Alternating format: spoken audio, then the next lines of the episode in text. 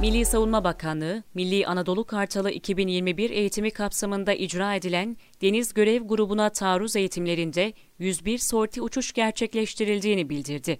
Milli Savunma Bakanlığı tarafından yapılan açıklamada, Milli Anadolu Kartalı 2021 eğitimi kapsamında Deniz Görev Grubu'na taarruz eğitimlerinin icra edildiği ve envanterdeki pek çok aracın eğitimde kullanıldığı bildirildi. Milli Savunma Bakanlığı'nın paylaşımında, deniz hava işbirliğini geliştirmek maksadıyla icra edilen eğitimlerde toplam 101 sorti uçuş gerçekleştirildiği belirtildi. Bakanlığın Twitter hesabından yapılan paylaşımda 16 Nisan tarihinde tamamlanan Milli Anadolu Kartalı 2021 eğitimi kapsamında F-16, F-4E 2020, E-7T, KC-135R uçakları ve İHA'larla deniz kuvvetlerimize ait TCG Göksu ve TCG Bora gemilerinin katılımıyla Deniz Görev grubuna taarruz eğitimleri icra edildi ifadeleri kullanıldı. Yapılan paylaşımlarda eğitimde kaydedilen videolara da yer verildi.